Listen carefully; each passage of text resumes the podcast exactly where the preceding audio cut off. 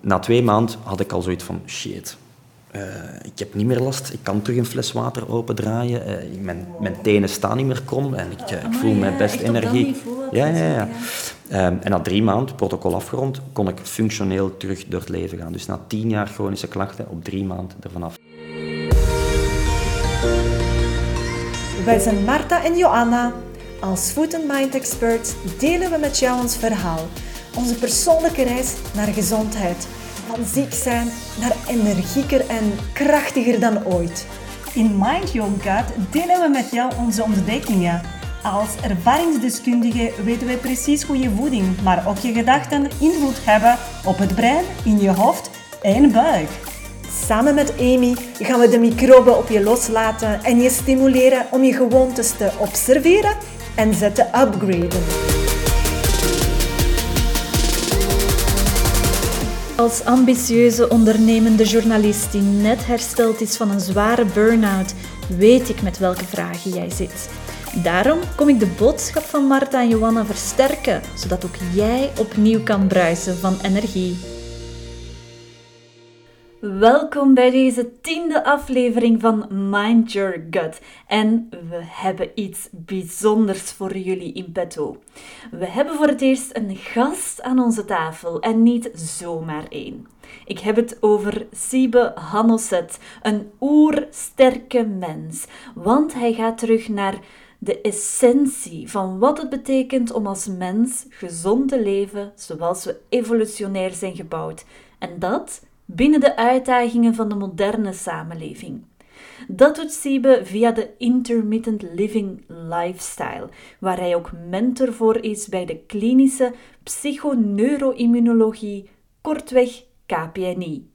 Maar ook door zich te voeden met gefermenteerde producten zoals Marta en Joanna. Die way of living is wat ons verbindt.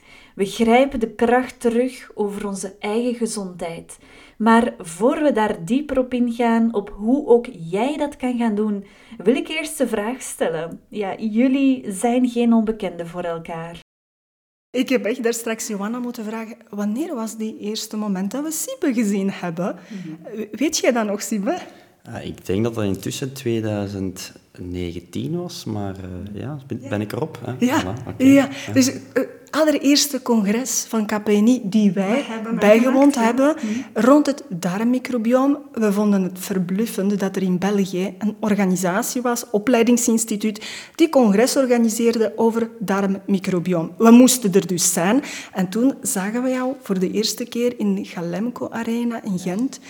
En Siebe stond op het podium rare dingen doen. Niet zomaar, hè? Ik dacht, wat is die kerel aan het doen? Die blaast in een zakje, die doet ons recht staan en bewegen, stoelen opheffen tijdens congres. Dat is toch niet normaal? Ja, wat een rare was eigenlijk dat iedereen dacht hetzelfde, maar iedereen deed mee gewoon. Geweldig, geweldig. We moesten terugkomen naar het tweede congres. Dat was niet lang wachten niet meer. In maart of zo 2020 kwamen we terug naar All About Energy. Dit was ons tweede congres. Uh, we waren ondertussen verliefd op visie van uh, eh, KPNI, de Klinisch Psychoneuroimmunologisch Instituut. Mond vol tanden, maar ook vol kennis, ervaring. Ongelooflijk. Sibe was er toen ook terug aanwezig met een opgepompte badje. Dat klopt. Ja, je stond daar. Een badje vol met... Wat zat erin? Koud water. Zat er water in? Ik weet dat niet meer. Oké, maar er stond wel een badje. Er stond een badje en jij waart uh, aan het promoten, hè? Intermittent Living Week in de Ardennen. En dat dachten we toen, dat moeten we doen. Hè? En Siba heeft ons toen de uitleg gegeven over hoe en wat. Maar eigenlijk kon hem niet veel vertellen, want alles was een beetje geheim. En dat heeft ons ook geïntrigeerd om mee te doen. Ik zei tegen Marta, we doen gewoon mee en we zien wat gaat komen. Ja, ja en uh, dat verhaal, die anekdote van hoe jullie elkaar hebben leren kennen dat spreekt al meteen tot de verbeelding. Hè? Ik hoor, uh, wie is die gekke man dat daar in een uh, zakje zit te blazen en een opgepompt badje mee heeft. Siebe, jij bent een beetje een, uh, een vreemde eend in deze wereld. mag ik dat zo zeggen? Dat mag je zeker zeggen. Ik heb daar ook geen probleem mee. En dat is een compliment, denk ik. Hè? Ik probeer soms wel wat tegen de stroom in te zwemmen. Dat doen we met KPNI, denk ik sowieso. Ik vond trouwens Oermens mooi omschreven, maar laten we het uh, wat optimaliseren. Een gesofisticeerde oermens. Hè. Ik probeer me toch wel een beetje te kleden en niet half naakt overal. Soms doe ik dat wel in de winter, uh, maar, uh, maar goed. Nee, um, ik ben blij dat ik hier ben in eerste vooral. Um, ik had met Marta al twee dagen geleden nog een berichtje gestuurd. Ja, het is een droom voor ons die uitkomt dat jij hier zit. Dat vond ik direct mooi, hoge druk en verwachtingen leggen. Maar ik vind het fantastisch, hè, want we hebben al een aantal leuke trajecten met elkaar gedaan. Um, een van die zaken was de Intermittent Living Coach opleiding in de Ardennen, waar zij niet alleen zelf de theorie kregen achter die levensstijl, maar ook gewoon door de ervaring zijn gegaan. Ik denk dat later dit gesprek wel duidelijk zal worden dat je dat moet ervaren in de eerste plaats om dan ook aan anderen te kunnen gaan meegeven. Um, en in dat concept, in die levensstijl, zijn er wel wat atypische zaken. Hoewel, het zijn zaken die we altijd gedaan hebben, maar die we met z'n allen op vandaag vergeten en niet meer doen. Um, en op dat vlak mag je gerust zeggen dat ik wel wat atypische zaken doe uh, en zaken die niet meer mainstream zijn. Uh, honger, dorst, koude prikkels, hitteprikkels, in een zakje hypercapnieoefeningen aan het doen zijn. Um, dus ja, zeker niet mainstream. Um, maar ik voel dat de laatste twee, drie jaar dat het zaken zijn die toch al wel een klein beetje meer opgepikt terug worden en waar we het verschil mee kunnen maken. Dus voilà. Oké, ja, want ik, ik ben nog persoonlijk wat in, in transitie en, en ik stap er heel graag in mee omdat ik de eerste voordelen ervan begin te ervaren. Maar ik merk toch nog in mijn omgeving, mijn persoonlijke omgeving, heel veel reacties alle waarom zou je dat willen doen? Waarom zou je ochtends een koude douche willen nemen in plaats van een warme? Waarom zou je in godsnaam in een zakje willen blazen? De vraag die je dan stelt aan de, aan de persoon die voor mij zit, wil jij graag gezond oud worden? En als het antwoord daar ja op is, dan zeg ik van, dan zijn dit tools die, daarvoor, die daar gaan toe bijdragen. Um, maar goed, nogmaals, niks hoeft in het leven, uh, niks moet. Ehm, maar het verbreden van kennis en inzichten om op een andere manier naar gezondheid te kijken. En vooral een kader aan te bieden waar dat mensen ook van voelen dat ze niet elke dag dat en dat en dat en dat en dat moeten doen. Uh, dat vind je wel terug in het intermittent living concept. Of eigenlijk is concept geen juist woord, het is een levensstijl. En dat betekent dat je dagelijks een aantal dingen kan doen, maar dat daarna ook weer helemaal andere dingen kan gaan doen. Um, en dat het op die manier net ook rust en vrijheid geeft aan mensen van oké, als ik die zaken implementeer en ik heb mijn rugzakje vol met tools, uh, dan kan ik die op die manier inzetten, op die manier. En op die manier geeft het rust voor heel veel mensen. En ik denk dat Johanna en ik vandaag echt wel een bewijs zijn dat die tools super krachtig werken. Want op het moment als je het super druk krijgt, onder stress staat, deadlines moet halen, dan kan je in die rugzak een keer gaan zoeken naar wat kan me vandaag helpen. Heb je te weinig energie?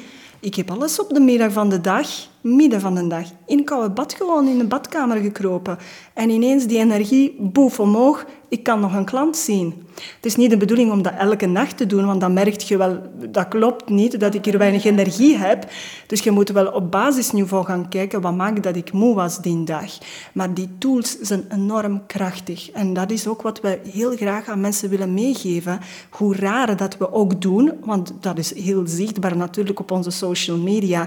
Squats doen, op de bal gaan rollen, rechtstand werken, eh, in een koude bad springen, ja, fermenteren. 20 minuten tijd nemen om op het bed gaan liggen en misschien mediteren. Of misschien een gezonde maaltijd te maken in de zin van ontspanning. Of diepe ademhalingen nemen in de zin van uh, zenuwstelsel terug tot rust te brengen. Want ademhaling is eigenlijk de enige manier om rechtstreeks effect te kunnen hebben op de zenuwstelsel. Dus er is geen twijfel aan dat dit werkt. We hebben het zelf ervaren die week in Ardennen toen en we passen dat elke dag toe, afhankelijk van waar hebben we zin in, wat zien we zitten vandaag om toe te passen. Want we gebruiken protocollen volgen we niet. Ja? We hebben geen bepaalde schema van om acht uur doen we dit, tien uur dit en elf uur dit. Nee, want dat is niet meer intermittent. En het concept is intermittent intermittent dingen doen. Ja. En uw vraag, Amy, van waarom zouden nu in die koude bad kruipen of in een zakje gaan ademhalen? Siebe haalt dat supergoed aan. Wil je gezond zijn, dan zijn dat dingen die jou kunnen helpen. Maar ik denk dat we ook mogen gaan kijken, eerlijk mogen gaan kijken, hoe is de wereld vandaag zoals het is? En daar plakt, kan ik gemakkelijk twee woorden op plakken. Het is een abnormale wereld door industrialisering. Dat is heel algemeen gezegd, je kunt het in detail gaan bekijken, maar we leven vandaag heel abnormaal. En wat zijn de voorbeelden van zo abnormale toestanden waar we elke dag mee geconfronteerd worden? Is bijvoorbeeld die koelkast die bomvol eten steekt en dat je maar twee meter moet naar stappen open doen en je kan op elke moment van de dag iets in jouw mond stoppen. En uh, kast, snoepkast noemt dat. Ik moest even nadenken. Notenkast, snoepkast. Dit is abnormaal om een snoepkast in huis te hebben. Ja, wat ben ik blij dat we in Polen hebben gewoond als ja, kleine meisjes, ja, tot ons achttiende. Want wij kenden snoepkast niet. Snoep was echt iets, en niet onder de vorm wat snoep vandaag uh, is, was onder een vorm van een cake dat mama bakte één keer in de week. Wat is nog abnormaal? Elke dag uw kind een koek naar school geven onder de vorm van een koekendoos. Wat is nog abnormaal? Acht uur aan een stuk zittend werken.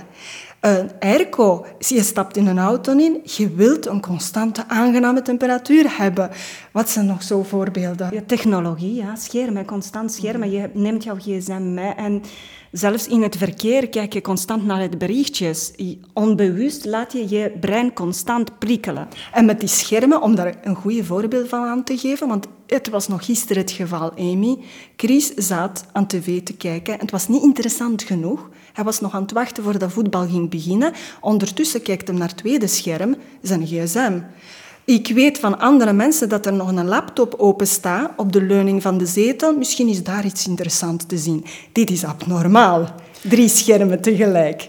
Ik, ik, hoor jou heel vaak het woordje abnormaal zeggen. Het is inderdaad niet normaal, maar helaas is het de norm geworden. En je kan op een bepaald moment de moderne mens in anno 2022 het ook niet meer kwalijk nemen. Want omgevingen net door industriële revolutie en technologie en automatisatie, die worden gewoon gemaakt, gedesigned, dat wij overal kunnen zitten. Acht, negen uur, tien uur aan een stuk. Dat wij ons al zittend verplaatsen. Dat we overal kunnen eten en snoepen.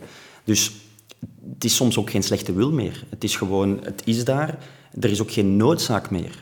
Er is geen noodzaak meer om te bewegen. Er is geen noodzaak meer om af en toe eens honger te hebben of dorst te hebben of om koud- of hitteprikkels te ervaren, omdat je kan altijd die verwarming gaan reguleren.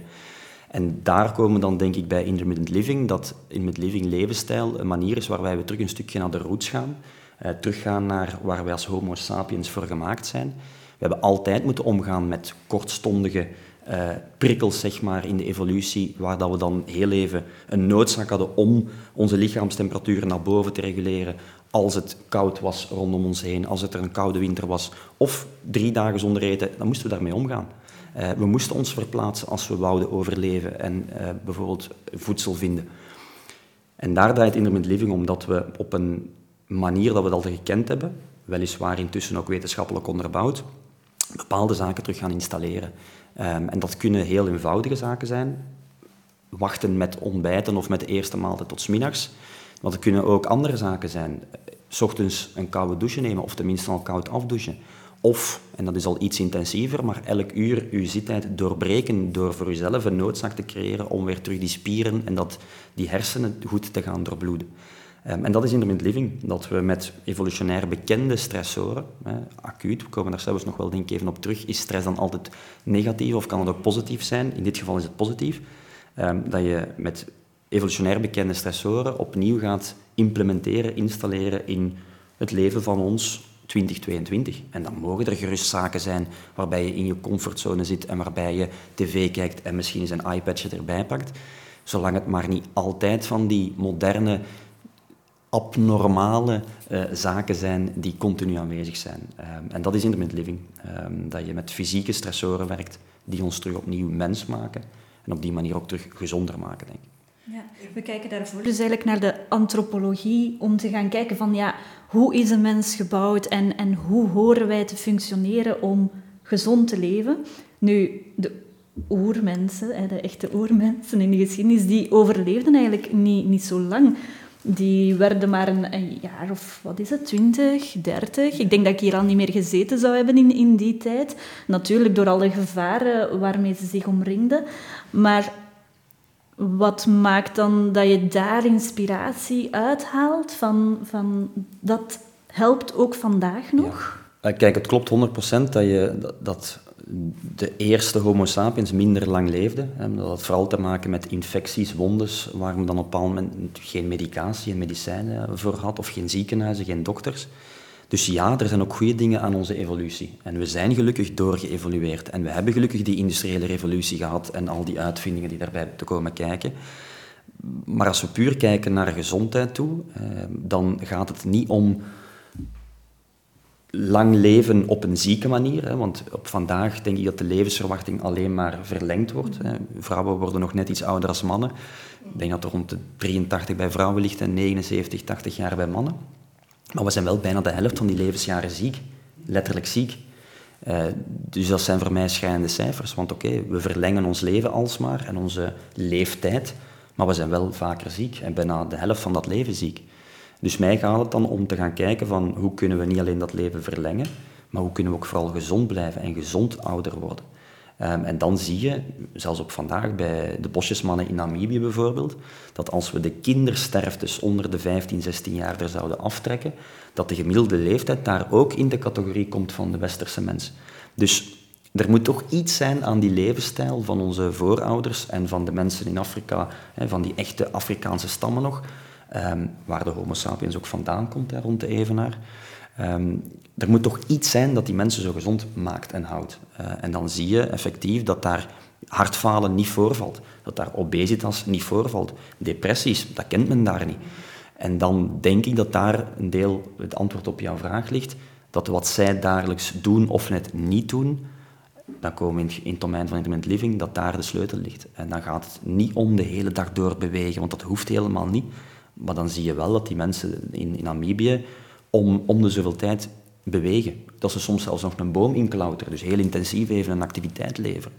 Um, zij eten één, misschien twee keer per dag. Maar dat zit niet acht keer per dag en acht keer per dag geraffineerde suikers. Zij eten wat de natuur hun geeft. Um, zij hebben daar waarschijnlijk niet een, een, AC of een verwarming om altijd 20, 21 graden te hebben. Dus ik denk dat daar dan uh, een deel van, jou, van jouw antwoord ligt. Um, dat ja, wij hebben technologieën die ons langer in leven houden, maar de gewoontes, de abnormaliteiten die we hebben aangemeten, die maken ons ook heel ziek. Uh, en daar kan je dan met die oeroude prikkels een wapen tegen gaan bieden, of een, ja, een betere bescherming gaan tegenbieden. Mm. Wat ik heel graag wil aangeven is dat wij vandaag niet zo kritisch meer zijn. Uh, een voorbeeld kan zijn als je in de winkel gaat, inkopen gaan doen. We veronderstellen dat dingen die verkrijgbaar zijn in de winkels, dat die, zullen wel goed zijn. Die zullen wel eetbaar zijn. Iedereen koopt dat, waarom zou ik het niet doen? Het is superbelangrijk om die transformatie of die genezingsproces te starten met bewust worden van wat is voor mij want voor iedereen kan het wat anders zijn. Wat is voor mij belangrijk? Is, is, is, is dat eten van dat brood elke dag, drie keer per dag, goed wel voor mijn lichaam? En de advies kan voor iedereen anders zijn, maar ik wil vooral dat mensen echt kritisch beginnen kijken naar hun omgeving, naar hun jobomgeving, de mensen waarmee ze samenwerken, naar uh, inkoop als ze gaan doen. Wat stop ik in mijn winkelkarretje? Want vaak denken wij dat we geen keuzes hebben. En daar start het mee. Uh, beseffen van, ik mag voor mezelf kiezen. Hoe vaak zie ik hier vrouwen die aan tafel bij mij zitten die dat super egoïstisch vinden om zichzelf op eerste plaats te zetten. Maar ze hebben wel twee kinderen thuis waarvoor dat ze moeten zorgen. En die durven niet eens iets goed voor zichzelf te doen om energie te hebben om het te kunnen opbrengen. Het is vandaag een excuus geworden. Ik heb een man en twee kinderen. Het is een excuus vandaag om niet voor zichzelf te zorgen. En dat vinden we echt heel triestig. Ja. ja. zorg dragen voor een ander begint bij zelfzorg. Dat moet ik jullie niet vertellen. Uh, maar als we onszelf altijd wegcijferen of we blijven gewoon die red race doen wat dat onze omgeving doet, dan kan het wel eens heel snel fout aflopen. En dan zie je mensen met vermoeidheidsklachten, burn-out, depressies meer en meer, die allemaal waarschijnlijk een gevolg zijn van Dat leven in die comfortzone. In de comfortzone, maar ook het leven waarbij ons brein continu overprikkeld geraakt. Hè, met alle verplichtingen die we hebben, alle appjes en e-mails die binnenkomen. Ehm, dus we streven er graag naar, ik denk jullie ook op jouw manier, om dat lichaam terug te prikkelen, waardoor het sterker wordt. Want het wordt niet meer geprikkeld. Hè. We zitten hier neer en we, we hebben geen uitdaging meer fysiek. Ehm, dus het lichaam opnieuw fysiek gaan prikkelen, maar daarnaast ook zorgen dat het brein dat al overprikkeld is, juist wat meer rust te geven. En... Ja, want waar, waar maak je dan dat onderscheid? Want enerzijds spreek je over, ja, we staan eigenlijk zodanig onder chronische stress dat we er ziek van worden, maar anderzijds gaan we dan net stressprikkels gaan toevoegen om, om daarvan te kunnen herstellen of om, om dat te voorkomen. Dat klinkt een beetje tegenstrijdig. Ja, wel, stress is aan zich nooit negatief, zolang het maar kortstondig is. En daar loopt het bij heel veel mensen fout. Als jij continu in een job zit waarbij er deadlines zijn en onmogelijke eh, opdrachten worden gevraagd van jou, dat je in overuren moet werken en s'avonds laat doorwerken. Je hebt je push notifications aanstaan, waardoor niet alleen op Instagram en Facebook, maar ook alle e-mails en WhatsApp continu die gsm aanstaat. Ping, ping, ping, ping, ping, ping. Daarom zit voor mij een fantastisch moment. Want onze telefoons staan allemaal op vliegtuigmodus en worden niet gestoord. Dus echt in rapport gaan met elkaar, echt in gesprek gaan, dat kan niet als de gsm hier ligt en dat zit continu op te lichten. Dus je hebt heel veel triggers in die omgeving die er continu zijn en dan wordt dat een chronische stressor. Uh, als jij acht keer op een dag suikers eet, is ook een vorm van chronische stress. Als jij altijd 20, 21 graden leeft, is ook een vorm van chronische stress. Stress wordt positief als het kort, kortdurend is. Dus de timing en ook de frequentie waarop het herhalen, die is cruciaal. En dan zie je in het intermittent living concept dat je met de juiste dosissen, de juiste timings, mensen echt kan gaan beter maken. Maar je dient wel die protocollen, die dosissen te respecteren. En een heel mooi woord is hormese, eh, voor de, voor de luisteraar thuis. Hormese wil zeggen dat als ik de juiste dosis van iets toedien, dan komt mijn lichaam of mijn brein sterker uit dat stressmoment. En is het dus gezondheidsbevorderend. Dat wil ook zeggen, als je een koud bad zou nemen, als je al ooit zo ver komt, moet je geen 20 minuten in een ijsbad gaan zitten, want dan is het ook weer te lang. Dus ook daar moet je niet zomaar gaan flikvlooien en maar doen, tenzij dat je natuurlijk de kennis hebt, zoals hè, Marta en Johanna, die opgeleid zijn tot intermittent living coach. Maar ga je wel een aantal zaken respecteren en ga je ook zorgen dat je niet elke dag 20 minuten in een ijsbad zit of elke dag 20 uur gaat vasten, want dan wordt het misschien opnieuw weer te chronisch. Dus timing, duur, frequentie van die stressoren is cruciaal. En vooral ook eh, wegstappen van moderne stressoren. Want we hebben helemaal geen programma, nog niet op vandaag ontwikkeld, om met suikers om te gaan. We hebben wel een programma om met koolhydraten om te gaan die in knollen zitten, die al heel de evolutie in de grond zaten. Maar een programma om een aardappel, een product dat sinds 1850 door ons gecreëerd is, daar hebben we nog geen programma voor. Pasta, eh, dat, komt, dat kwam niet voor in de natuur, dat komt niet voor in de natuur. Dus hoe, hoe zouden we daar godsnaam mee kunnen omgaan? Dus ook daar, hè, het gaat om timing, de frequentie van de stressor, maar ook is dat een moderne stressor waar we helemaal nog geen oplossing voor hebben? Of is het iets dat we doorheen heel de evolutie gekend hebben en waar we waarschijnlijk wel fysiologisch een oplossing voor kunnen gaan bedenken? Ja, want het is toch een beetje ik zal, ja, contra-intuïtief zal ik het noemen, als je heel erg veel stress ervaart en uitputting, om dan eigenlijk nog meer van die interventies te gaan toevoegen. Ik heb persoonlijk een, een burn-out gehad. Ik heb inderdaad um, na verloop van tijd, na heel veel behandelingen eerst te proberen, heb ik, heb ik veel gehad, bijvoorbeeld aan de Wim Hof-methode, de ademhalingstechnieken en, en de koude douches. Maar dat voelt toch op dat moment als, als eigenlijk extra belasting uh, toevoegen aan, aan uw leven. Absoluut. Hè. Als we het hebben over een burn-out of over stress. Als je stress hebt, dan is er een productie van cortisol, het stresshormoon.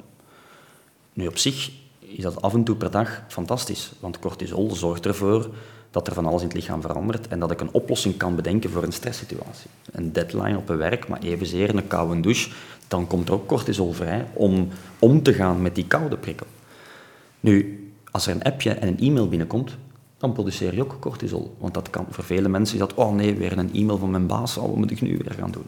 En dan kom je in het verhaal op vandaag, als er zoveel moderne stressoren zijn, waarbij ons lichaam denkt van dit is een overlevingssituatie, ik moet ook in die fight-flight-modus gaan, cortisolproductie. En dat begint ochtends vroeg al. Je, doet s ochtends vroeg, je zet een tv aan of de radio, ja, het nieuws. Ja, dat is er gebeurd, er is een oorlog in, in Rusland en Oekraïne.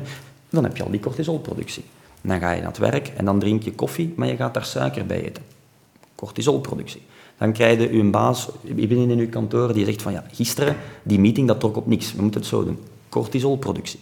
Je krijgt telefoon omdat een van je kinderen op school uh, gepest is geweest. En, of, of iemand gepest heeft en in een hoek moest gaan staan. Cortisolproductie. En zo zijn wij de hele dag door cortisol aan het produceren. En dan krijg je op een bepaald moment dat dat lichaam niet meer kan omgaan met continu iets dat te hoog staat. Langdurig cortisol, nogmaals, net zoals stress, iets negatief. En dan krijg je op een moment dat je cortisol uitgeput kan geraken. En dat die cortisolproductie die de lange tijd heel hoog stond, dat die op een bepaald moment nog wel sluimerender is, maar niet meer kan fluctueren. Niet meer ritmisch of intermitterend zijn werk kan gaan doen. En dan zie je dat mensen s ochtends niet meer die energie hebben, omdat ze niet genoeg cortisolproductie hebben om die energie te hebben. En dat ze s'avonds toch nog te veel cortisol hebben van heel die red race waarin ze zitten, dat ze ook niet meer kunnen deconnecteren. Hoe ga je dan nu veranderen of wat is de oplossing daartegen? En dat klinkt misschien voor jou nog raar of voor de mensen die luisteren, is net met acute, extremere stressoren te werken, waardoor je die cortisolgevoeligheid terug herstelt. Maar wel met, met prikkels die we al altijd gekend hebben. Niet met appjes en e-mails en deadlines, maar met koud afdouchen. Maar met in de sauna kruipen. Maar met uh, fasting, hè, een tijdje niet eten. Uh, maar met intensief beweegmomentjes gaan installeren. Een hypoxie-ademhalingsoefening of een variant van de Wim Hof-ademhaling, waarbij je acuut cortisol gaat produceren. En daar gaat het dan om, kortstondig, zo'n dosis cortisol produceren, dat je opnieuw die gevoeligheid van cortisol herstelt. Dus wat is de manier om één, een burn-out tegen te gaan, maar ook te herstellen van een burn-out, is met intermittent living aan de slag te gaan. Met stressoren die net die cortisolgevoeligheid herstellen. Het is dan eigenlijk iets, als ik het goed heb, dat, dat vooral preventief en, en als revalidatie wordt. Ik vind revalidatie wel een zwaar woord, maar eh, ja, hormetische, prikkel, hormetische prikkels, die intermittent living prikkels, hè, want hormetische prikkels, dat vind je terug in die koude, honger, dorst, hitte en bewegen en zuurstofprikkels. Als je, die werken preventief, dus die zorgen ervoor dat je gezond oud wordt. Die werken beschermend tijdens. En zo zie je bijvoorbeeld dat uh, tijdens operaties men meer en meer ook begint te werken met CO2 en O2-veranderingen om de uh, neurologische uitval of het hartfalen of het, de schade nadien te beperken. En drie, ze werken curatief. Dus je kan mensen echt gaan genezen opnieuw met intermittent living. Um, dat, je ziet bijvoorbeeld bij mensen met Alzheimer, Parkinson, uh, met een enorm verlies van mitochondriën of energiecentrales in het brein, dat je met intermittent living die mitochondriën terug kan gaan verhogen en activeren. Dus op die manier is het ook effectief een curatief middel. Dus preventief en voor, tijdens en na kan je het gaan inzetten. Dan is het eigenlijk iets voor iedereen, echt. Het is absoluut voor iedereen. Ja. Um, het is voor Europeanen, Aziaten, Afrikanen, het is voor mannen, vrouwen. Het is voor uh, jong en oud, hè, want ook kinderen zijn homo sapiens, dus die hebben daar ook baat bij. Alleen ga je op een bepaald moment natuurlijk wel bepaalde nuances leggen. Hè. Er is niet one size fits all approach. Mhm. Ja, er zijn protocollen, maar je gaat ook wel altijd naar de context kijken. En als iemand net uit een burn-out komt bijvoorbeeld, dan ga je net iets minder extreem misschien aan de slag gaan dan iemand die topsporter is. Of een kind van 13 jaar moet geen 20 uur gaan vasten per dag. Nee, die is nog aan het groeien, dus die moet vooral zorgen dat hij voldoende nutriënten binnenkrijgt. Het wat eten, van gefermenteerde voeding tot andere, maar die moet je niet gaan verplichten om 20 uur per dag te gaan vasten. Maar wil die ochtends eens niet eten en wachten tot middags? Prima, laat het kind doen. Ja. Wil dat kind mee het koude bad inkruipen? Laat dat kind doen. Prima. Ja. Zorg er gewoon voor dat de context in begrip wordt genomen. Ja. En om op jou terug te keren wat je net zei, het gaat ook gewoon om kennisoverdracht. Als iemand letterlijk ziek is en je legt niet uit hoe het werkt, waarom het werkt, dan moet je die niet in een koud bad steken, dat gaat je niet lukken. Uh, maar dus leg eerst uit hoe dat het kan werken, wat aan de hand is bij die persoon en wat je er dan tegenover kan gaan stellen. Dus de waarom, de wat en dan pas de hoe. Ja, dat is heel belangrijk vind ik. Van kennis aan de mensen doorgeven van wat gebeurt er in jouw leven? Waarom ben je ziek geworden? Het bewustzijn uh, activeren bij de mensen. En dan pas die prikkels toepassen. Want ik hoor je zeggen, uh, het is belangrijk om shockmomentjes te creëren in het leven om uit die comfortzone te komen. Het mag af en toe onaangenaam zijn. Ja, want mensen zeggen, maar ik wil me niet koud douchen. Ik, ik moet al zoveel in een dag te doen. Ik wil een keer warme bad nemen en ontspannen en achter tv zitten, chips en uh, glasje wijn te drinken. Want dat is leuk, dat ervaar ik als iets aangenaam. Maar dan de volgende morgen worden ze wakker en ze zijn moe. En ze weten niet, hoe komt dat dat ik moe ben? Ik heb niet zo goed geslapen, want die glasje wijn misschien, dat was iets eentje te veel. En dan, ja, wat moet ik dan doen om terug, uh, ja, gezonder, wat moet ik doen om uh, zichzelf beter te voelen? Het is precies een vicieuze cirkel van dingen te doen en niet zien, wat maakt me ziek. Ja.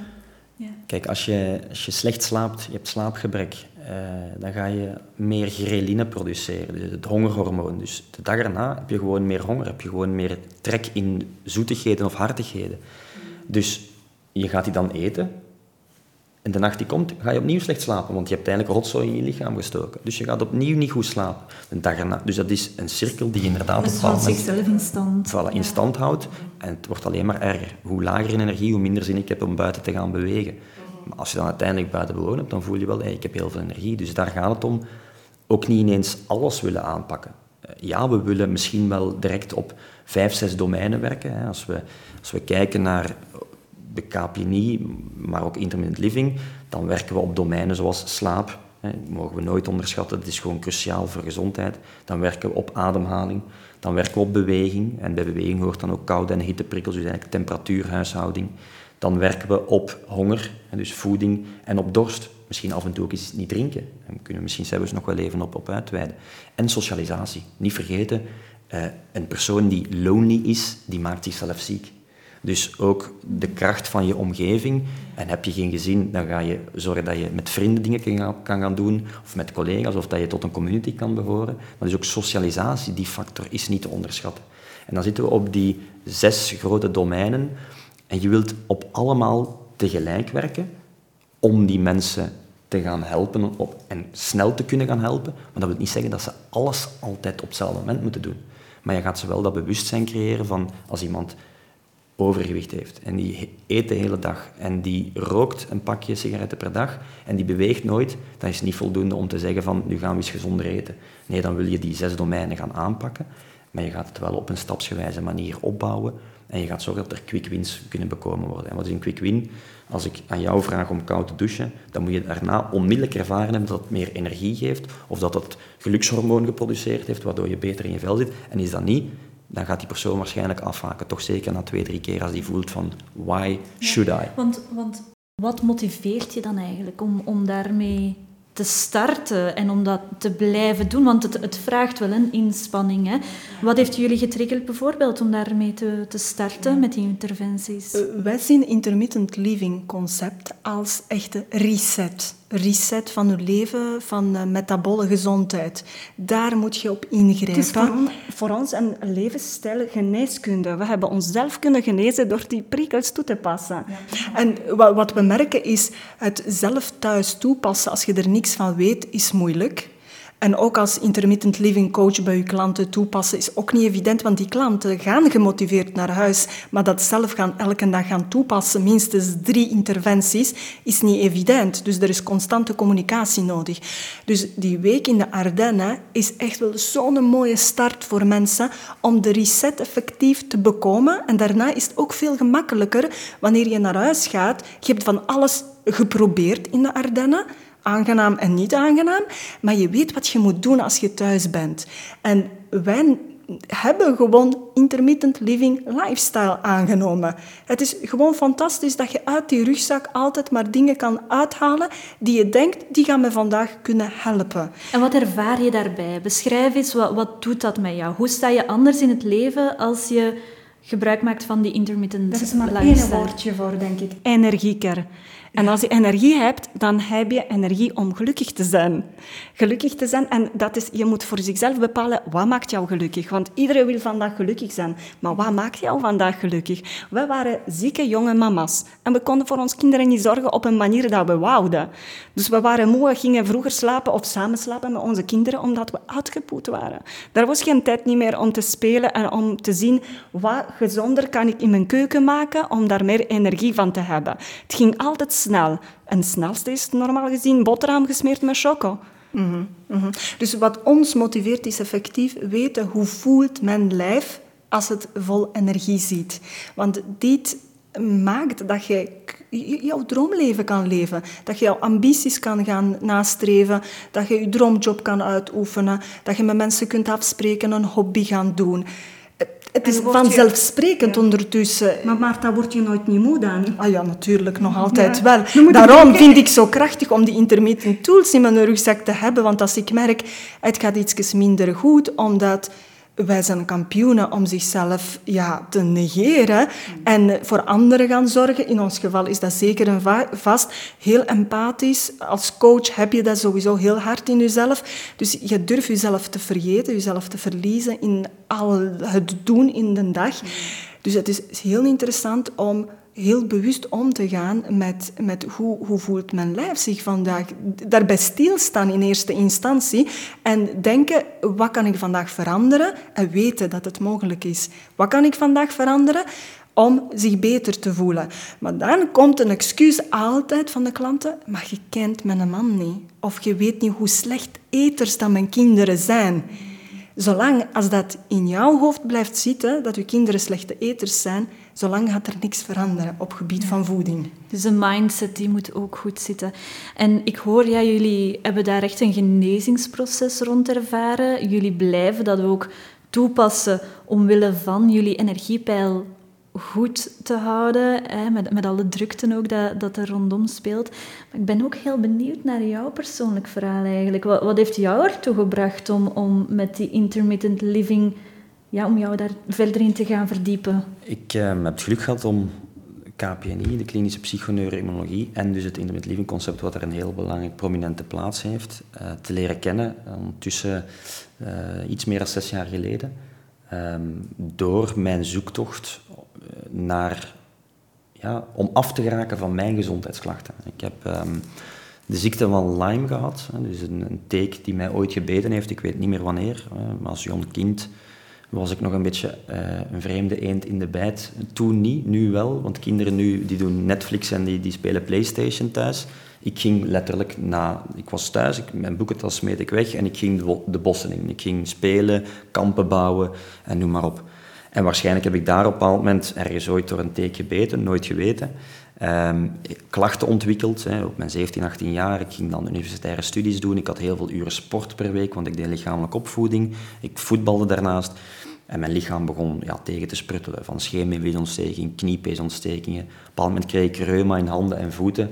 Ja, als jonge gast is dat heel frustrerend, zeker als je niet weet van waar het komt. En in de klassieke medische wereld kwamen we uit op antibiotica, cortisone en zo verder, maar dat hielp niet. Dat was tijdelijk een klein beetje de pijn verzachtend, maar dat hielp niet. En ik heb eigenlijk bijna tien jaar rondgelopen uh, met chronische gewrichtsklachten als gevolg van die ziekte van Lyme. Ik heb ook trouwens zes jaar gezocht naar de diagnose ziekte van Lyme, want die eerste zes jaar hadden we geen juiste diagnose. Um, Dan had je wel al de klachten, maar, ja, ja, maar, nog niet het antwoord op. Nee, nog niet de oorzaak. Hè. En de oorzaak was dan, oké, okay, tekenbeet, ziekte van Lyme. Maar dan begon het verhaal, hè, hoe ga je dat dan oplossen? Um, en heel veel frustraties later, op een bepaald moment, heel toevallig, um, omdat ik ook een carrièrepad had en daar ambities had, um, op de koffie gegaan bij Thomas Davé, uh, trouwens founder samen met Wouter van Huizen van KPNI Belgium, het opleidingsinstituut, waar dat we elkaar leren kennen hebben, die die congressen organiseren en waar we die in de Living Coach opleidingen geven naast alle andere opleidingen. en Thomas zei me van, ja, ik denk dat KPNI iets voor jou is. KPNI, vier letterwoord, voor wat staat dat? Toen als hij het dan voluit zei, wist ik nog niks. Um, dus hij beginnen uitleggen. Ik zei van, oké, dit moet ik even gaan bekijken. Ik heb me vrij snel ingeschreven voor de opleiding direct, tot ah, orthomoleculaire therapie volgens de KPNI. En op lesdag 1 had ik les van dokter Leo Pruimboom, de grondlegger van de KPNI en van dat intermittent living concept. En ik zei, kijk Leo, uh, ik heb van jou gehoord dat jij de grondlegger bent, de man die alles kan uh, genezen. Hè, want every, every injury or disease is doomed to be cured. Um, dus ik zei, dit is mijn case. Ik loop tien jaar rond met die klachten. Ik heb de ziekte van Lyme en niemand kan mij helpen. Genees mij. Genees mij. Wow. En die zei van, als jij het oké okay vindt, dan ga ik jouw case uh, even bekijken in de lunchpauze. En na de lunch dan ga ik dat voor de groep presenteren. Ik zeg, be my guest. En ik stond daar vrij rustig opgewonden, zoals daar, daarnet jij was, hè, voor 40 medecursisten. ja. En uh, ik mocht mijn verhaal uitleggen en Leo gaf mij een protocol. Een protocol van drie maanden met vrij strikte uh, zaken. Hè. Niet alleen in een zakje ademen acht keer per dag, uh, niet alleen koude keer baden. Per dag. Als je natuurlijk iets wil oplossen, dan moet je het meer doen dan één keer per dag. Hè. Want je wilt tien jaar chronische klachten, kan je niet zomaar omdraaien. Uh, ik moest 36 uur wakker blijven om mijn hele brein te resetten. Uh, ik moest gaan werken met gefermenteerde voeding. Ik moest gaan werken met absoluut geen zoogdieren meer eten. niks van zaken die kunnen ontsteken. Dus naast zoogdieren ook geen gluten, geen suikers, et cetera, et cetera. Let's do it. Als, als ja. jij zegt dat ik op drie maanden met dat protocol van mijn klachten af ben. Volle overgave. Op dat moment dat je zoiets van alles al geprobeerd. Drie maanden of tien jaar, dan is drie maanden niks. Dus ik zei, let's do it. En uiteindelijk, ik denk dat iedereen wel bereid is om dat te gaan doen. Zolang als ze weten van, dit gaat me helpen. Ja, en ik denk, allee, als ik kijk naar mijn, mijn persoonlijk traject ook. Ik heb ook uh, de diagnose van fibromyalgie gekregen. Um, ik kamp ook nog altijd vandaag met, met die klachten. Ja, op den duur ben je zo'n medisch proefkonijn mm. geweest. Heb je zoveel zware pillen geprobeerd, behandelingen gedaan. Ja, ja, dan neem je er dan graag bij ja. eigenlijk. Hè? Dat is, een, dat is een ander verhaal aan zich, denk ik. Maar wanneer gaan mensen effectief over tot actie? Hè? Ofwel zit je zo diep en heb je al zo lang klachten en je zegt van ja, oké, okay, goed, ik heb al alles geprobeerd. Van. Dus dan gaat het niet om mindset, dan gaat het gewoon om noodzaak let's bring it on. Ik doe het gewoon wat jij zegt. Hè. Als die persoon dat uitlegt, deep learning en dat vertrouwen creëert. Vertrouwen is 80% van coaching. En Leo is er toen wel ingeslaagd om mijn vertrouwen te winnen. Um, maar je hebt ook andere mensen die niet die noodzaak hebben. En die dan bij jou komen omdat ze gehoord hebben hè, dat Marta en Johanna bezig zijn met gefermenteerde voeding. Kan ik je luisteren. Hè. Maar als dan degene why is, waarom zou ik mijn voedingspatroon omdraaien? Uh, waarom zou ik mijn darmflora helemaal gaan veranderen en met intermittent living aan de slag gaan? Ja, dan wordt het soms bij die mensen heel moeilijk om die tot actie te brengen en in verandering te brengen. En dan gaat het om deep learning, kennis, maar ook om jouw soft skills, hoe ga je het overbrengen. En, en dat heb ik sinds kort mogen ervaren met de NLP te gaan, gaan studeren en gaan verdiepen daarin. Soms zijn er ook gewoon belemmerende emoties en overtuigingen. En kan je mensen niet genezen zolang dat je niet bewust wordt van die zaken en die dan ook weer gaan herprogrammeren. Daar komen we misschien zelfs nog wel even toe. Dus om mijn verhaal af te maken, na twee maanden had ik al zoiets van, shit, uh, ik heb niet meer last, ik kan terug een fles water opendraaien, uh, mijn, mijn tenen staan niet meer krom en ik, uh, Amai, voel ja, mijn best energie. niveau ja, ja, ja. ja. Um, en na drie maanden, protocol afgerond, kon ik functioneel terug door het leven gaan. Dus na tien jaar chronische klachten, op drie maanden ervan af, ja, dan weet je gewoon van, los van de wetenschap en Leo zijn mooie ogen, van hier moet ik mij gaan verdiepen. Um, en dat was bij mij, ja, zo ben ik, jullie hebben mij zo leren kennen denk ik ook, als ik mij ergens in vastbijt, ja, dan is de sky the limit. Um, dus on a mission zeg maar. Dus ik zei van, goed, dit heeft mij genezen, nu ga ik dit naar andere mensen brengen. Ik zat op dat moment vooral in de topsportwereld nog actief, werkende met topsporters. Maar intussen heb ik dat van... Dus zelfs intermittent living op dat niveau maakt die mensen beter, maakt die topsporters beter, gaan blessures vermijden en zo verder. Ja. Maar ben ik ook mee gaan focussen op CEO's, ondernemers, uh, begeleid ik op dit moment een aantal artiesten. Mensen die allemaal in een performance environment hoog in energie moeten zitten wanneer het moet. Soms kunnen deconnecteren uiteraard. En daar leent dat intermittent living concept zich absoluut voor. Maar daarnaast ook bij zieke mensen. Ik heb mensen bijvoorbeeld met fibromyalgie die hun klachten hebben kunnen oplossen door intermittent living. Mensen die van burn-out klachten hebben kunnen oplossen door intermittent living. En dat is het mooie aan het concept, dat je er iedereen mee kan helpen. Um, ik heb misschien nog altijd net iets meer de affiniteit met die mensen die high performance zijn, maar het werkt gewoon voor iedereen. En dat is het mooie. Ik heb er mijn eigen mee genezen. En je ziet gewoon anderen die terug opleven door die levensstijl te gaan stap voor stap aanmeten. Mensen die letterlijk gezond worden of die gewoon terug geluk vinden in het leven. Want als we het hebben over it's all about energy, ja, gezondheid is gewoon gekoppeld aan energie, want gezondheid is niet afwezigheid van ziekte. Gezondheid is, kan ik in elke situatie, in elke uitdaging dan ook, of het nu fysiek, emotioneel, mentaal of spiritueel is, de juiste energie mobiliseren. Dus it's all about energy. En geluk, it's also all about energy. Want ik kan niet gelukkig zijn als ik niet kan ondernemen wat ik wil ondernemen. Als ik niet kan genieten van het moment waar ik me in begeef. Dus die hangen voor mij zodanig samen. Ja, en dat resoneert echt. Ja. ja. Uh, dus, dus it's a way of life. Um, en ik denk dat het gaat veel verder dan inspelen op het fysiek sterker worden en het fitter maken van het lichaam of gezonder maken van het lichaam. Het gaat over terug een, een calm mind, een rustige mind creëren waardoor je waarschijnlijk ook beter gaat beslissingen nemen opnieuw. En het gaat ook gewoon om uh, een open heart creëren. Verbinding met jezelf, maar ook terug leren verbinden met anderen. Um, en daarom is het voor mij zo'n complete levensstijl waarbij iedereen gebaat is op een manier.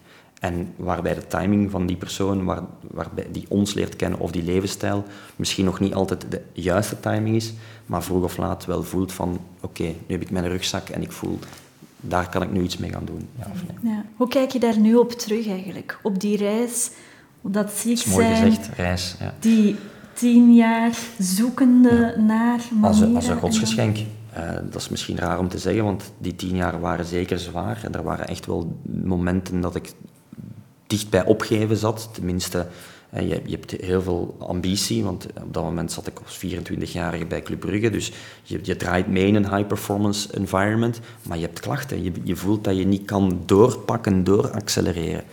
Um, en ja, op dat moment is dat frustrerend, maar achteraf ben ik heel blij dat die zaken op mijn pad zijn gekomen. En, en ben, zat ik hier waarschijnlijk niet als ik die klachten niet gehad had. Um, dus het is voor mij, iedereen heeft een verhaal, uh, maar voor mij is dat, dit mijn verhaal. En is het verhaal van ja, vele mooie deuren die zijn opengegaan en van nog vele jaren uh, pionierswerk, denk ik, uh, binnen, binnen deze ja, materie, binnen deze levensstijl. We, hopen echt wel van harte, Sibylle, dat, dat je ermee echt wel hele Vlaanderen kan aansteken, maar ook Europa en verder door. Ik heb hier aan tafel gewoon zoveel kippenvelmomenten.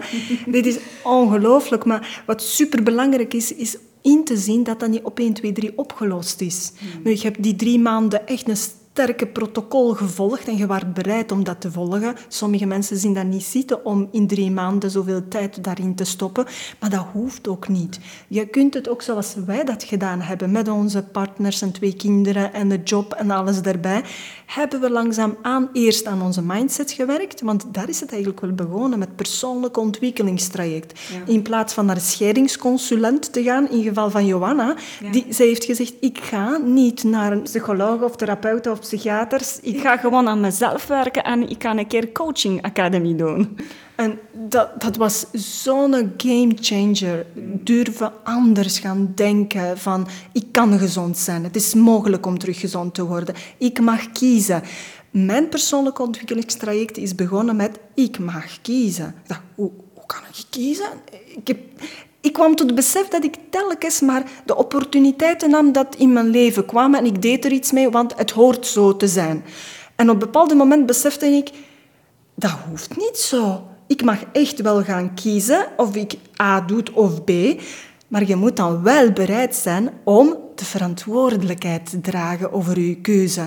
En die is niet altijd licht om te dragen dat was voor mij echt een gamechanger in de mindset switch en ervoor gaan wat ik wilde. Ja, maar ik vind dit ook gewoon zo inspirerend, want bij mij is het nog zeer recent. Hè. Ik, ben, ik ben nu twee jaar sinds, sinds ik ja, mijn crash heb gehad, mijn diagnoses heb gekregen.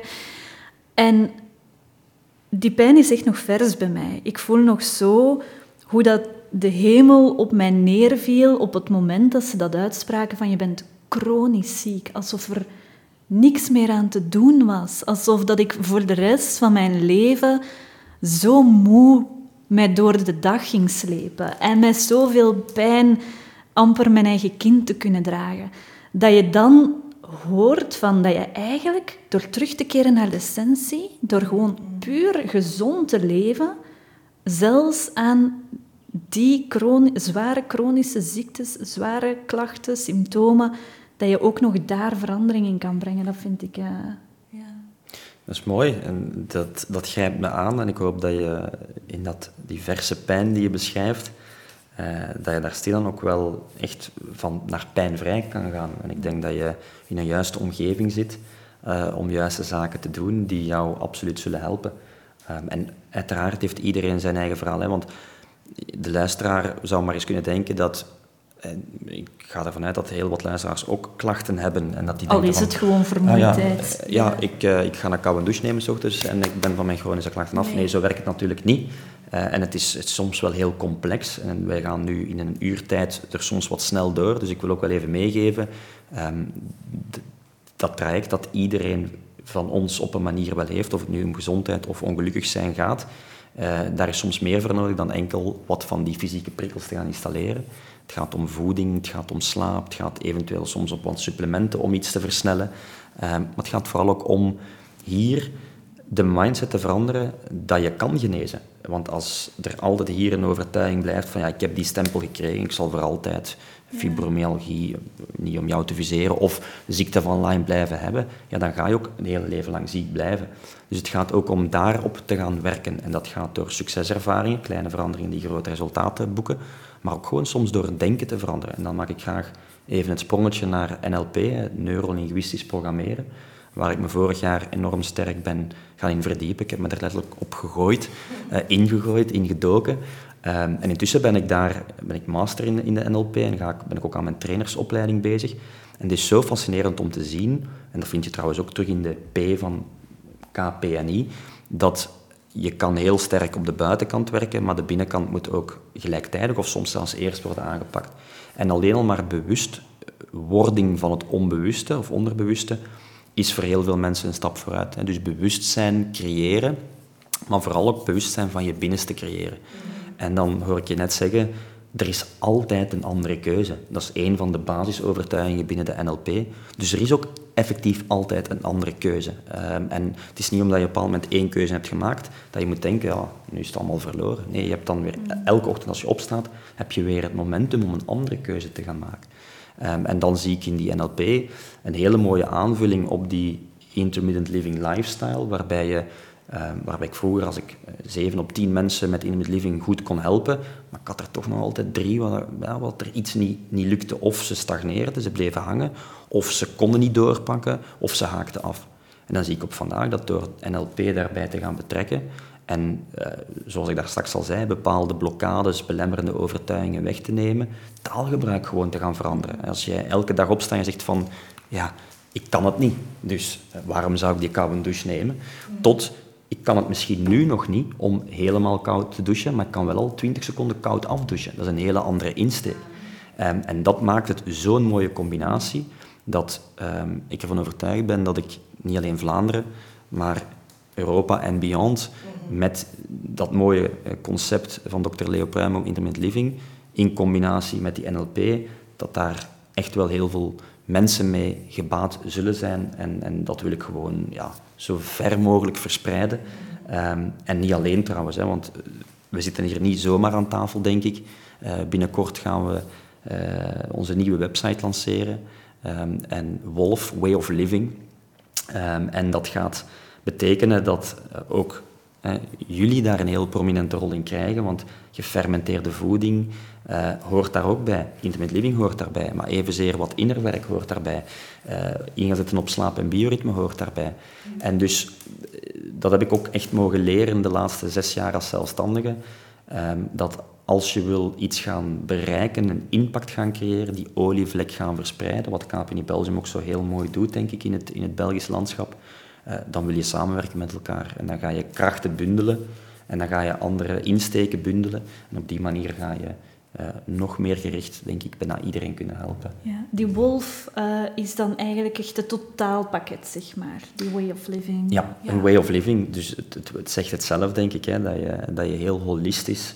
Uh, dus dat je met alle facetten gaat rekening houden. Um, en nogmaals, het ideale zou dan zijn dat je niet één iets pakt en dan drie maand later het andere, maar dat je dat vrij, van begin vrij compleet kan gaan aanpakken, um, zodat je ook echt tot ja, generalisatie kan komen. Dat je echt directionele geneeskunde zelfs kan gaan bekomen. Dat als je op die verschillende areas of domeinen werkt, dat mensen echt in één richting gaan positief veranderen, gezondheid gaan verbeteren.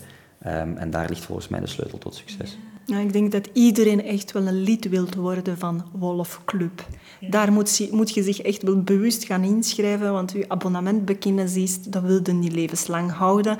De club bij de Wolf, dit is waar dat je moet zijn. Dat is de club waar dat je wilt zijn. Niet degene die, uh, die eigenlijk ja, jou maar in de put houdt en, uh, en jou eigenlijk verlamt met, uh, met zware pillen. Want dat vraag ik me dan af. Hoe komt het dat zo'n way of living resultaten kan behalen waar de, ja, de geneeskunde, de traditionele geneeskunde en de farmaceutica niet toe geraken. Want dat is, beiden is wetenschap. Hè? Way of living is ook niet uit de lucht gegrepen. Daar zit ook een, een grote wetenschap achter. Hoe komt het dat die elkaar niet verbinden? Waarom vertelt mijn huisarts mij niet? Ga eens een kijkje nemen op de website van KPNI. Wil je mijn eerlijk en genuanceerd antwoord of mijn keihard Absoluut. antwoord? Nee, ja. Ah, um, beide? Ja. um, ik, met begrip voor, voor, voor beide werelden of voor, voor verschillende partijen, um, denk ik dat kan alleen focussen op wat wij doen of wij willen bereiken. En dat is, wij zoeken naar oorzaken. En ik zei het daar straks al, elke ziekte is voorbestemd om opnieuw te genezen of, of, afgerond te worden. Dus dat betekent dat er oorzaken of een oorzaak is waarom je op vandaag energieverlies hebt, of waarom dat je ziek bent, of waarom dat je niet gelukkig bent. En het duurt soms veel langer om die oorzaak op te sporen en mensen te vragen om daar efforts, inspanningen voor te leveren om die oorzaak op te lossen, dan dat ik jou heel simpelweg zeg van, heb je hoofdpijn? Oké, okay, neem maar een pilletje, een gafalganatje of een paracetamolje en je hoofdpijn zal inderdaad over zijn de komende vijf uur. Voilà, maar dat is het net. Maar op dat moment ben je al weg en is je hoofdpijn even over, maar je, de klacht is niet opgelost of de oorzaak is niet weggenomen. Um, Thomas Davé, mijn collega, die zegt vaak van, ja, hoofdpijn en paracetamol nemen, maar hoofdpijn heeft niks te maken met een tekort aan paracetamol. Dus is dat dan de oplossing? Nee, het is een pleister plakken op een wonde.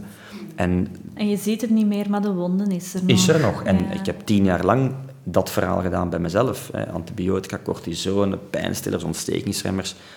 Dus ik weet maar al te goed dat dat heel frustrerend begint te werken op termijn. En waarom doen sommige partijen het dan nog eerder zo? Gaat dat over gebrek aan holistische kennis? Hè, want klassieke geneeskunde, lifestyle geneeskunde, integratieve geneeskunde, het woord zegt het zelf, het is een andere manier van bekijken. Gaat dat om um, geld dat daarachter zit? Ik moet je niet vertellen dat sommige industrieën baat bij hebben dat er paracetamol verkocht wordt.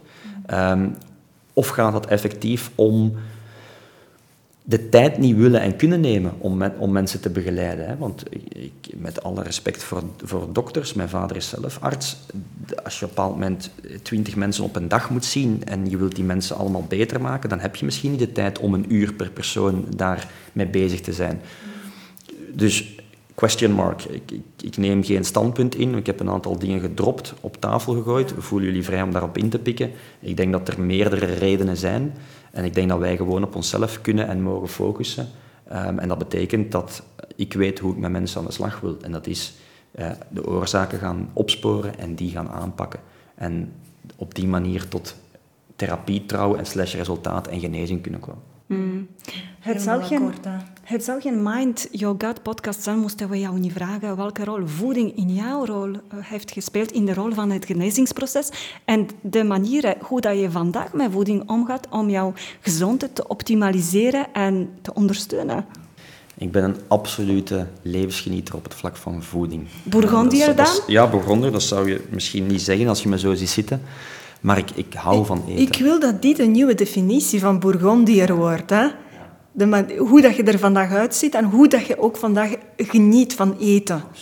Um, kijk, eerst even naar het verhaal van ziekte van Lyme en mijn genezing daarvan. Uh, in die drie maanden bijvoorbeeld. Ik kwam uit een topsportwereld. Dat betekent, je eet zes keer per dag, soms acht keer per dag, en je eet de hele dag suikers. Want in topsport wordt nog altijd gezegd dat suiker de belangrijkste energiebron is om te presteren. Wat had je zoal? Kan je dat eens... Uh, Wat had ik zoal? Ik, eh, om een voorbeeld te geven, ik, ik, heb, ik heb in een, een, voetbalomgeving gewerkt en als je op, op een hoog niveau voetbal speelt, dan is het nog altijd gangbaar op vandaag dat een club s ochtends opstaat en dat je samen met de spelers een buffet neemt waarin dat brood wordt geserveerd. Met daarnaast waarschijnlijk een vorm van cornflakes, muesli eventueel al, maar dan toch nog wel met toegevoegde zoetstoffen en andere. Um, op dat moment heb je een ontbijt genomen. Dan ga je niet veel later um, ga je opnieuw aan tafel en heb je bijvoorbeeld een pasta buffet of wordt er rijst geserveerd. En dan ga je ook nog een rijstaartje eten of iets zoet, hè, want dat is ook weer suiker en dat hebben we nodig om te presteren. Drie, uur later heb je dan opnieuw een buffet met snacks, met gedroogd fruit, maar evenzeer ook met wat ja, uh, koekjes zelfs bij sommige clubs. Hè. De koekjes worden nog altijd geserveerd. Uh, dan ga je voor de wedstrijd opnieuw weer een sportmaaltijd eten met heel veel pasta en noem maar op. Dan ga je na de, maal, na de wedstrijd opnieuw sandwiches eten, pasta om snel te recupereren. My god, mijn darmen. Ja, en dus... Net al in mijn buik. En op je gaat het misschien niet geloven, maar op dat moment woog ik 8 kilogram meer dan nu. Ik ben nooit een dikkertje geweest, maar ik, als ik nu foto's zie van toen en nu, ik stond opgeblazen in mijn gezicht. En oké, ik deed redelijk veel krachttraining, dus ik, was ook wel, ik ben ook wel wat spiermassa kwijt, maar ik, ik voel me prima dat ik nu ben. Uh, lekker slank en lean. Uh, en dat heeft te maken met mijn voedingsaanpassingen. Uh, dus ik ben dan op een bepaald moment helemaal gaan switchen naar twee keer per dag eten, misschien zelfs één keer per dag eten. Ook gezien dat dat kon, want als je van zes keer per dag eet ineens naar twee keer, en dan denk je van dat kan niet. Maar ook de wat gaan aanpassen. Hè. Dus inderdaad gaan kijken van, ik heb misschien die geraffineerde koolhydraten en snelle suikers niet nodig en ik ga mijn koolhydraten, want die heb ik wel natuurlijk wel nodig om gezond te blijven, en zeker als topsporter, ga ik halen uit knollen en kolen. Zoete aardappelfrietjes maak ik heel graag. Ik ga een puree van pastinaak maken, maar ik maak het dan ook lekker. Ik ben iemand die wel graag kookt. Ik ga er dan een eitje bij doen, misschien zelfs wat boter, goede boter of wat kokosroom. Ik ga dat even mixen, dus ik, maak, ik zorg dat mijn smaakpapillen niet gewoon die pastinaak eten, een gezonde knol, maar ik ga er ook zaken aan, aan toevoegen. Ik ga een overschotel maken met butternut pompoen, maar ik doe daar rode ui, knoflook bij, misschien wat boterraapjes bij, dus een, een enorme variatie zoeken in die knollen ook. Um, ik ben afgestapt van zoogdieren, dus rood vlees is mager en maakt mij sterk. Rood vlees heeft helaas heel veel nadelen ook. Hè. Je gaat heel veel ontsteking creëren. Op dat moment als je ziekte van Lyme hebt, wil je dat niet. Uh, want dat was ontstekingsgerelateerd op mijn gewrichten. Dus kipgevogelte, dat had ik al, maar dan ging ik eend eten. Oh, fantastisch. De eerste keer dat ik eend, dacht ik van shit, dit is lekker. Wat een ontdekking. lekker sappig stukje eendenborst. Struisvogelstek ga je dan bijvoorbeeld eten. Uh, je gaat nog meer vis eten, want toen dacht ik, ik eet twee keer per week vis. En vraag maar eens aan je klanten of patiënten die je begeleidt, hoeveel eet je vis? Ja, veel hè. Twee, twee, keer per week. Ja, ja, bij de Vlamingen is dat vrijdag visdag hè. Ah, ah wacht. Oké, je eet minstens 21 keer per week. Hè. Minstens drie keer per dag, maal zeven, dus nog altijd 21 denk ik. En je eet twee keer vis. Fantastisch. Ja, dat is veel te weinig. Um, ik zou zelfs zeggen, zorg dat je elke dag vis kan eten, misschien zelfs meer dan één keer. Um, dus vis en schaaldieren gaan beginnen eten, echt marine-based. We zijn ook gemaakt om marine-based te eten. Ja, we zijn jager-verzamelaars, maar we waren vooral verzamelaar-jagers. En we gingen vooral langs de kusten uit de zee voedsel halen, zeewieren, schaaldiertjes halen. Dus daar uh, ben ik heel veel op gaan inzetten. Um, Omega-3, ontstekend verlagend, selenium, jodium, zink, allemaal mineralen die ik nodig had op dat moment om te genezen. Um, fruit uiteraard, als, kan nog altijd hè, als suikers, dan andere vorm van suikers. En altijd in combinatie met andere voedingsmiddelen. Um, ik ben goede vetten gaan eten. Dat was ook een, een openbaring. Ik dacht altijd, ja, ik wil niet, niet bijkomen. Vet, dus uh, ja. eieren, vet. avocado's, uh, noten. Heb je light gegeten, mager? Wat zeg je? Heb je light en mager gegeten? Vroeger wel. Vroeger ja? wel. Uh, mayonaise light had ik. Uh, dat komt er nu niet meer in thuis. Hè. Dus uh, light producten, zero producten zeker niet. Dus nu ga ik echt die goede vetten opzoeken, waardoor mijn metabolisme verbetert. Want ik kan naast suikers nu ook ineens vetten gaan gebruiken als efficiënte energiebron. En als we het dan hebben over gezondheid en we hebben het over die metabole flexibiliteit, dat wil zeggen mijn brein kan suiker gebruiken, prima, maar dan liefst wel via die knollen, kolen en fruit en honing en niet via die geraffineerde suikers.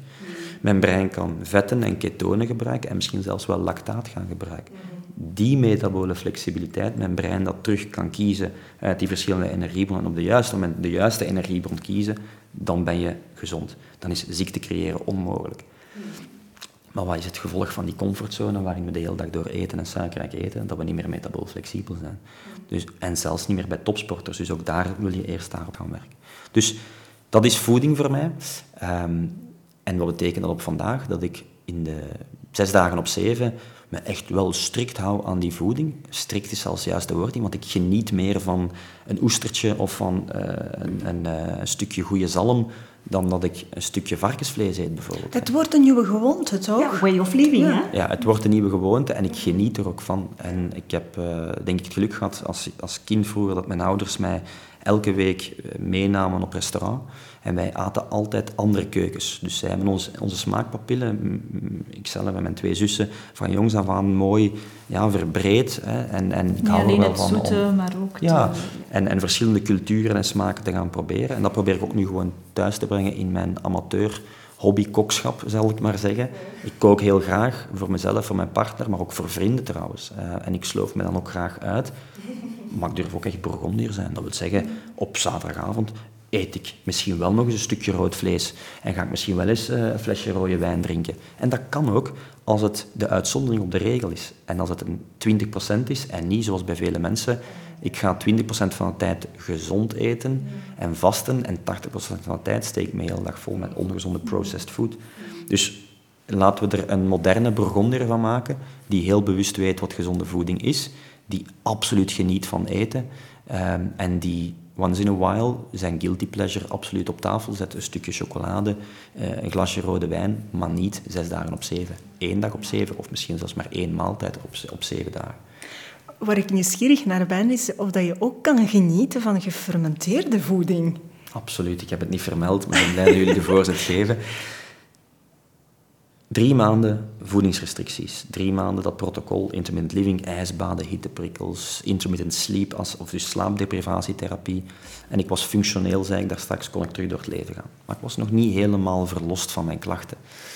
Wel van mijn klachten, maar als ik dan ging drie keer per week terug sporten, of vier keer de week, voelde ik van, hm, die knie, die is toch nog zwak. Of ik krijg toch weer een ontsteking op mijn, op mijn linkse eh, grote teen. Op dat moment had ik ook heel veel stress.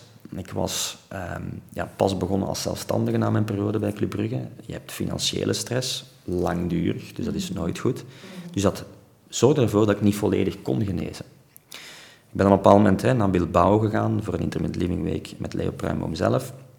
En dat is voor mij eigenlijk toen een kentering geweest. Dat was eigenlijk voor het eerst, dat was in 2017 of 18, dat ik ook in aanraking kwam met de kracht van gefermenteerde voeding.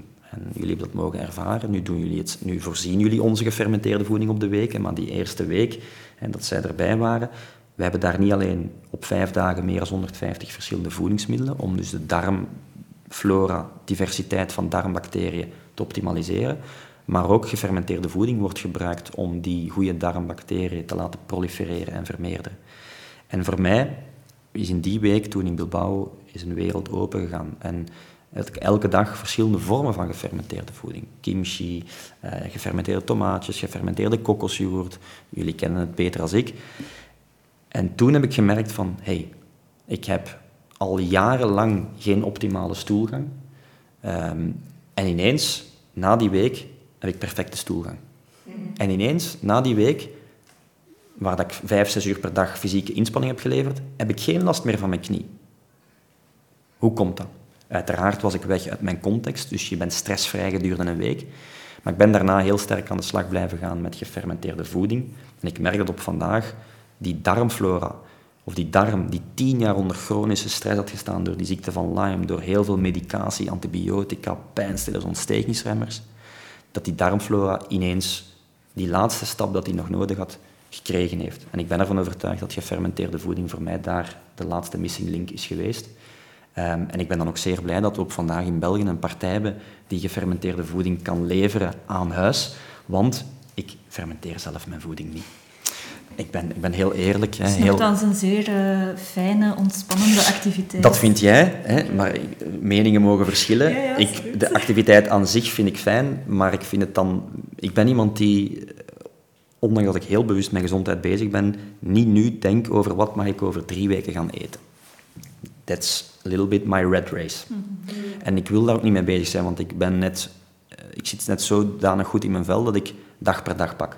Uiteraard heb je soms doelstellingen op lange termijn nodig, maar ik leef wel graag in het moment, dag na dag. Maar je hoeft het niet zelf te gaan doen, want je hebt de topleverancier. Dat is het, bewuste beslissing maken. Hè. Ik koop het of ik maak het zelf. En ik kan het ook niet zoals zij het kunnen, dus why not? Het is fantastisch lekker, het is gezondheidsbevorderend.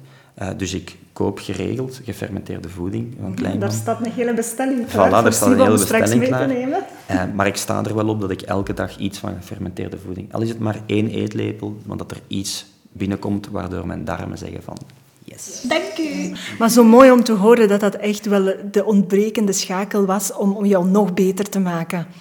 Het, het, het gaat erom dat, um, en dat gaat ook om kennis, hè, want je, je, begint een traject en je weet, oké, okay, koude kan helpen, oké, beweging gaat helpen, oké, voeding helpt. Maar binnen voeding heb je dan ook nog eens zoveel verschillende richtlijnen. Ja. Um, en als ik op vandaag op één ding moet inzetten, dan ga ik vaak mensen niet zeggen, je mag dat en dat niet meer eten. Ik werk liever omgekeerd, ga dingen toevoegen aan voeding. Eet gerust je pasta nog eens af en toe, maar ga avocados toevoegen. Ga uh, manuka honing toevoegen. Ga shiitakes toevoegen. Ga mango toevoegen. Zeewier toevoegen. En ga gefermenteerde voeding toevoegen. En dan zie ik bij heel veel mensen die, die krijgen rust van, oh ja, ik mag toch nog soms eens met pistoleken ah, eten. We, we, noemen dat functioneel eten.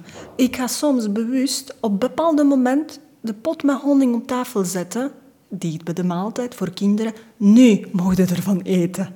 Die zijn super blij. Die, die, die, zagen niet tussen de maaltijden door dat ze iets zoet willen hebben, want ze hebben iets zoet gehad. En ik, wil, ik weet dat die honing van heel goede kwaliteit is. Dat zit bij uw maaltijd, wordt samen verteerd met dezelfde verteringsenzymes en insulines. Dat jouw maaltijd binnenkomt. Trouwens, die maaltijd, als we die functioneel willen maken, wil zeggen dat we daar nog wat extra vezels in gaan verstoppen onder vorm van lijnzaad of nog wat hennepzaad erover doen, olijfolie erbij steken maak het een functionele bommeke waarvan dat je weet, dit voedt mijn lichaam. En dat is ook Bourgondier zijn. Ja, Absoluut. heerlijk. Je hebt zo'n mooie reis afgelegd en, en je bent nu echt op, op een missie om iedereen aan te steken met die intermittent living uh, ja, lifestyle.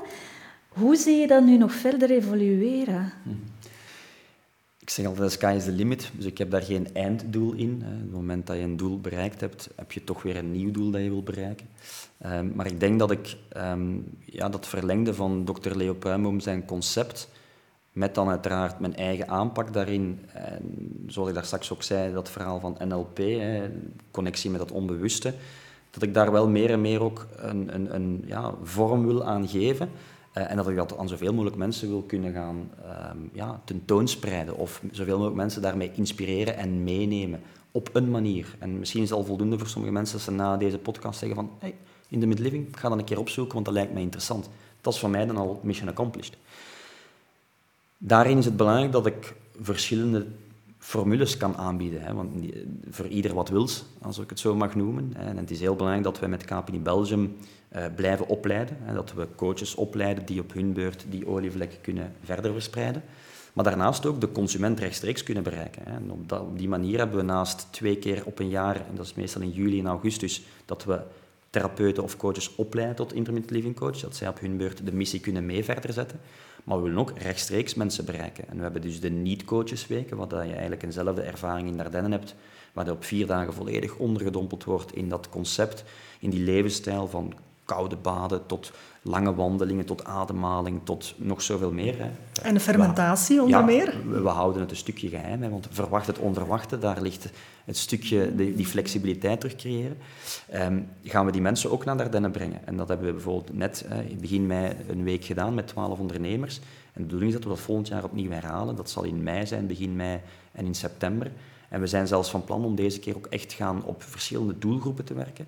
We gaan bijvoorbeeld ook eens vrouwen alleen in zo'n week laten komen. Helemaal niet om te discrimineren, integendeel, maar om de laatste nieuwe inzichten aantonen dat je een onderscheid wil gaan maken tussen mannen en vrouwen. Zeker als het gaat om um, high intensity bijvoorbeeld bij een vrouw, als er cortisol, stresshormoon wordt geproduceerd, dan gaat een vrouw, die cortisol gaat dat zorgen voor ik wil samenwerken. Terwijl bij een man is dat ik wil individueel strijden tegen een ander competitie. Dus alleen dat verschil al, het feit dat vrouwen een andere thermoregulatie hebben, omdat vrouwen veel meer zweetklieren hebben dan mannen. Ehm, vrouwen, hun, hun, hun, basale lichaamstemperatuur ligt lager. Dat is ook de reden waarom een vrouw anders reageert op een ijsbad dan een man. Dus met al die verschillen willen wij nog verder rekening gaan houden, nog meer rekening houden. En vandaar dat we volgend jaar zeggen, in 2023, we doen een gemengde groep voor consumenten, maar ook een groep voor vrouwen alleen. Die, website, die info vind je op de website van Wolf. Hè. Ehm, later wel meer daarover, denk ik. Ehm, en ik ben op dit moment mijn eigen kindje uh, ja, mijn eigen kindje komt eraan.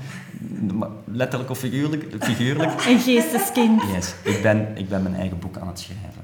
Um, is iets dat ik... Nog iets dat jullie delen. Ja, ik had, dat is iets dat ik al lang wou doen, maar wat ik eigenlijk van dacht van... Ik doe het misschien binnen vijf of tien jaar, als ik wat meer tijd heb. Nee, zo lang kan dat niet wachten. Echt niet. Ik kan zo lang niet wachten. Tegen dan kan er een tweede ja, komen. En ik, ik was heel blij toen Borgerhoff en Lambrits mij belden, de uitgeverij, van kijk, zie, we willen met jou dat boek schrijven rond intermittent living. Het momentum is nu. Uh, ik heb gezegd van, geen moment twijfel, let's do it. Uh, dus dat komt erbij dit jaar. Dat is, dat is, vrij pittig en intens, een boek schrijven, dat moet ik jullie niet vertellen. Maar dat, dat gaat fantastisch zijn als ik dat, dat kindje op een bepaald moment uh, ja, in de boekhandel kan gaan liggen. En dat is verwacht in november. Dus dat zal nog redelijk wat schrijfwerk zijn en nog veel herschrijven en zo verder. Maar ik zit daar eh, samen met Borgerhoff. En, en wat mogen lezers uh, verwachten? Is dat een soort van handleiding tot... Uh, ik zou graag al de ondertitel verklappen. Dus de titel is Intermittent Living, want er komt een ondertitel, maar dat mag ik nog niet. Ik moet er nog even in spanning houden. Maar het, het, is een fantastische ondertitel. We hebben er lang op gebroed, maar we zijn echt blij ermee. Maar het gaat over ehm, mijn verhaal, zijnde het pad in mijn carrière en mijn gezondheidspad ziekte van Lyme, genezing daarvan. Hoe dat dan eigenlijk op een bepaald moment die KPNI intermittent living leren kennen. En van daaruit door mijn ogen beleefd hoe dat ik met intermittent living aan de slag ben gegaan. Dus je zal, als je het boek leest, zal je hopelijk geïnspireerd geraken. Eh, en daarnaast ook weten van, kijk, oké, als ik die zaken zo doe, dan levert mij dat op. Energie, eh, minder ontstekingen, uh, betere well-being, beter in mijn vel zitten, ehm, et cetera, et cetera. Dus dat is eigenlijk het boek. Eh, mijn verhaal, een inspirerend verhaal, hopelijk. Ehm, en, maar vooral vanuit mijn ogen beleefd. Dus niet zomaar kennisoverdracht en ga er maar op kouwen en doe maar wat. Maar vooral echt mensen meekrijgen um, en door mijn ogen beleefd wat ik heb mogen beleven de afgelopen jaren op die mooie, fantastische reis waar we het einde, denk ik, nog niet van kennen. Mooi, mooi. Uw eigen persoonlijke verhaal. Ja, en uh, daarom nogmaals uh, ben ik zeer blij dat ik op momenten zoals deze dat verhaal ook altijd mag delen. Um, en dan hopelijk met deze podcast, maar daar twijfel ik eigenlijk niet aan, want jullie doen nog fantastisch, uh, de luisteraar op een manier kunnen prikkelen dat zij op hun beurt daar een voordeel kunnen uithalen. Ja, want zo'n zo'n podcast nu is wat nauw natuurlijk om, om heel erg in de details te gaan van, van intermittent living. Um, maar ja, mensen kunnen zich dan verder gaan verdiepen in bijvoorbeeld jouw boek vanaf november, kunnen eens deelnemen aan zo'n week in de Ardennen. Ja, um, maar hoe zit dat als je nu echt uh, zoiets hebt van, ik wil misschien wel individueel aan ja. de slag? Dat kan absoluut ook. Hè. Ik, uh, ik, werk in Melle, in het KPNI-huis, uh, waar ik één-op-één coachings doe. We hebben daar ook uh, acht weken trajecten, dus elke keer op maandag of dinsdagavond een uurtje bewegen staat centraal, maar daarnaast een verschillende intermittent living tool die elke week erbij komt. Hè. Dus hypoxie, ademhalingsoefeningen, een ijsbad, een hitteprikkel. dus een acht weken traject. Um, en daarnaast hebben wij vorig jaar voor het eerst een, um, ja, een online programma ook uh, gedropt. Een online challenge in februari was dat. Dat is niet vorig jaar, dat is dit jaar. Amai. Het, het, het, gaat, gaat heel snel, maar nog niet zo snel. Um, waar we dus ook nog waar we 1600 mensen mee bereikt hebben. Dus ook dat zijn, we hebben verschillende formules. Dus voor iedereen wat wils. En ik denk ook trouwens hè, dat de dames die hier aan tafel zitten op hun beurt ook al individuele coaching geven in hun specifieke domeinen, waar intermittent living zeker een plaats heeft. Want dat, dat kan niet anders, denk ik. Hè, anders zouden we hier niet zitten. Um, dus ja, ik zou zeggen, uh, als mensen terecht willen bij, bij ons of bij mij, uh, dan kunnen ze mij op, op sociale media vinden, uiteraard. Want is dat iets, iets belangrijk waarvoor we mensen misschien ook iets wat willen waarschuwen? Dat, dat we hen uh, ja, zeggen van ga misschien niet na deze podcast meteen in een zakje gaan, gaan ademen, maar zorg dat je echt wel uh, even meer kennis daar rond nog opsteekt? Ik denk dat deze podcast, podcastaflevering uh, heel inspirerend zou kunnen zijn geweest voor heel veel mensen, maar dat we inderdaad nog niet over de, de hard facts slash de protocollen gepraat hebben. Mm -hmm. um, ondanks dat intermittent living uh, soms een beetje rotzooitje ervan maken. Die zijn heel flexibel en ritmisch en niet altijd alles op dezelfde manier doen is. Willen we wel de juiste dosis hebben. Hè? Dat hormetische effect wat ik daar straks benoemde. Um, dus die juiste dosis is heel belangrijk. Anders dus ga, doe je een beetje aan self-medication eigenlijk. Ja, dus ga... Nooit een goed idee, hè? Voilà. ga, ga, je gerust verdiepen in een aantal facetten. En, en 16, 8 vasten en zo verder. En wat je eet, dat kan je, of gefermenteerde voeding, daar kan je niet veel mis mee doen. Zeker niet als je het van de dames hier koopt.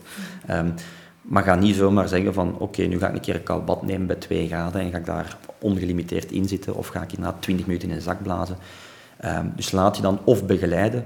Ik zeg het, we hebben intussen 150 intermittent living coaches in België alleen al, uh, die we hebben mogen opleiden, waaronder Marta en Johan er ook zijn. Dus vind in jouw omgeving zo'n intermittent living coach, zou ik zeggen.